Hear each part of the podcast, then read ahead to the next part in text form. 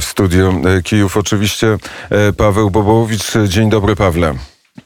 Dzień dobry Krzysztofie, dzień dobry Państwu. Za chwilę będziemy mieli połączenie z Krakowem, gdzie jest były ambasador Polski e, na Ukrainie Jan e, Piekło i będziemy rozmawiać na temat tego, co dzieje się w Kazachstanie, ale oczekując na te połączenie, powiedz e, krótko, co, co ostatnie 24 godziny przyniosły w życiu politycznym Kijowa.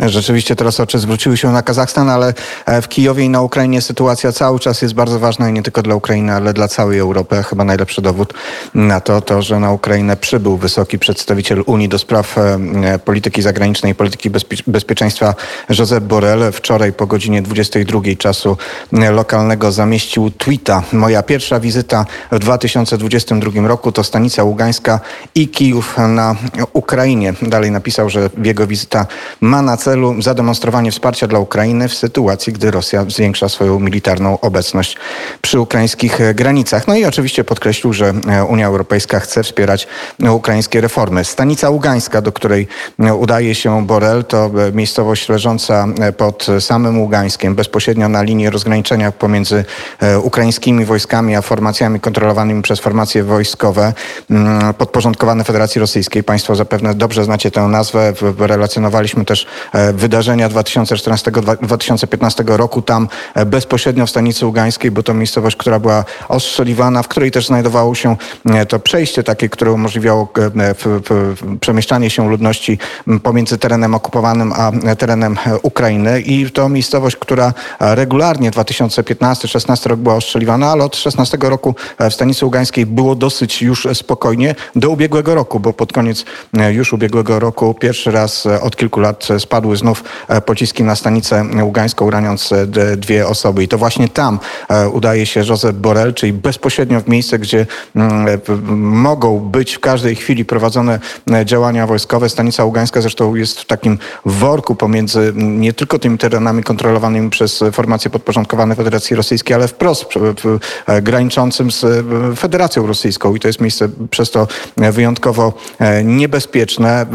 Ta wizyta oczywiście ma charakter symboliczny, ale przed tą wizytą Borrell kontaktował się e, z sekretarzem generalnym NATO Jensem Stoltenbergiem i rozmawiali na temat właśnie tego, co się dzieje e, na Ukrainie.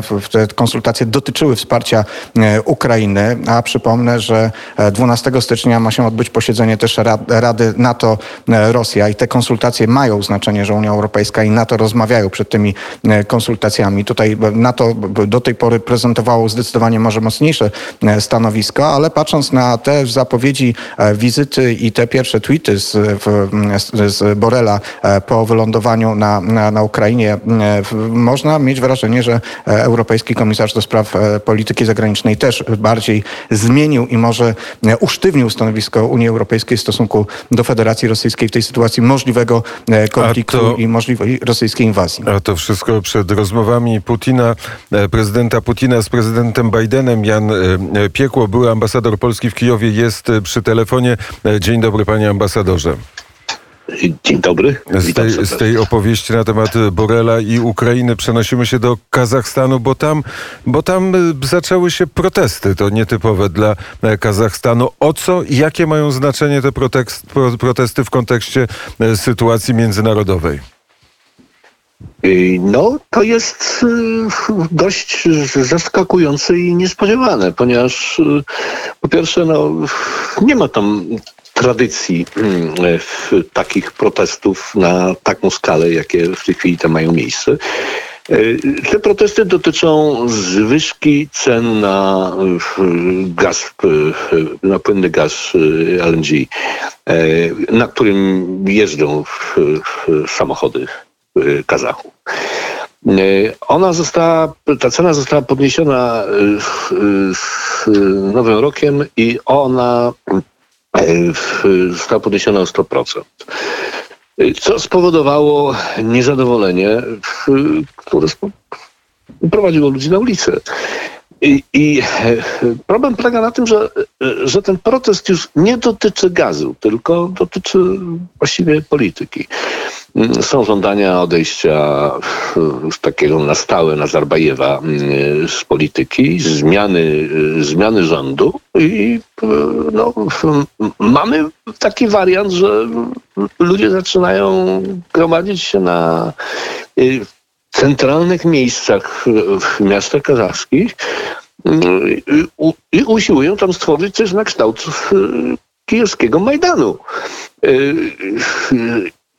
I to rzeczywiście, można powiedzieć, jest w jakimś sensie spowodowane polityką gazową Kremla, czyli Kreml sobie zafundował spory konflikt, który może się odbić również w jakimś sensie na na Putinie i, jego pozycji w Rosji, e, ponieważ to może zachęcić być może Rosjan do tego, żeby zrobić to samo kiedyś.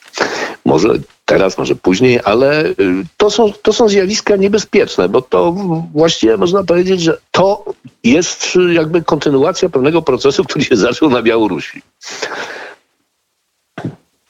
To jest, e, to jest kontynuacja, ale dla Kremla to jest e, problem istotny, czy to jest taki problem psychologiczny, że e, jeżeli gdzieś w granicach dawnego Imperium Rosyjskiego czy Imperium Sowieckiego dzieją się, dzieje się coś, do głosu dochodzi, dochodzą ludzie, to wtedy to jest niebezpieczne, czy też jest niebezpieczne w jakimś innym sensie?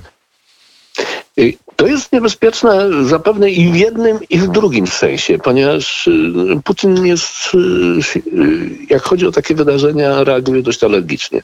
Czego najlepszym dowodem było potężne wsparcie dla, dla Łukaszenki w czasie, w czasie protestów na Białorusi.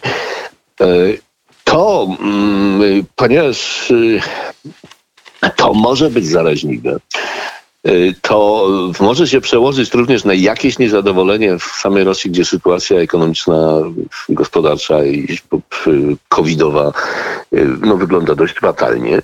Y, więc to może mieć, ja nie mówię, że to od razu się przełoży, że to będzie miało takie konsekwencje, ale to jest coś, co na pewno nie pozwoli Putinowi teraz e, spać e, spokojnie. Można jeszcze powiedzieć, że tam już miały miejsce protesty stosunkowo niedawno, ale one były wymierzone w, w rosnące wpływy Chin e, w Kazachstanie. Kazachstan jest, jest potężnym krajem, i to jest y, kraj, który właściwie, jak tak popatrzymy na granicę i na południe Federacji Rosyjskiej, to to jest kraj, który leży całkiem niedaleko Ukrainy. Więc y, Putin może się czuć y, otoczony. On bardzo podkreśla, że się czuje otoczony przez y, rosnące wpływy NATO y, w najbliższej okolicy przygranicznej w Rosji. No teraz może się czuć jeszcze bardziej otoczony. I to jest e, zresztą karta, którą pokazuje prezydent e, Putin. Zgromadził 100 tysięcy żołnierzy na, na granicy rosyjsko-ukraińskiej, ale mówi o tym, że to Rosja e, jest zagrożona i to Rosja powinna mieć gwarancję bezpieczeństwa. Czy dostanie takie gwarancje bezpieczeństwa od prezydenta Putina? Czy Stany Zjednoczone wycofają swój, swój oręż z tej części Europy? Raczej nie powinny. I zresztą dość twardy ton mm, głównie e, sekretarza generalnego mm, NATO i większości e, polityków wskazuje na to, na raczej pewną determinację. Żądania, które zostały przedstawione przez Rosję w postaci dwóch dokumentów, mają charakter tak skandaliczny i tak upokarzający, że właściwie żaden rozsądnie myślący polityk zachodni y, nie powinien się na to zgodzić. Jeżeli... Niepokojące jest. Tak. Niepokojące jest to, że zaczyna się teraz wyścig w różnych w mniej czy bardziej ważnych polityków zachodnich, y, żeby się spotkać z Putinem i koniecznie z nim porozmawiać y, w, tej chwili przed, przed, przed tymi ważnymi rozmowami. Tam y, taką ofertę, z taką ofertą wystąpił nowy kanclerz Olaf Scholz, nowy kanclerz niemiecki. I tu się też pojawia no, pewna wątpliwość. No, i jak to tu? Europa powinna mieć w tej chwili wspólną politykę. Kraje NATO powinny mieć wspólną politykę i powinniśmy wspólnie, konsultując się ze sobą nawzajem, y, decydować się na y, pewne kroki w stosunku do Rosji, a nie uprawiać w tej chwili wyścig, y, kto się pierwszy spotka z Putinem, żeby z nim porozmawiać i załatwić swoje pewnie interesy związane głównie z Nord Stream 2. Stawiamy kropkę. Bardzo serdecznie dziękuję za rozmowę.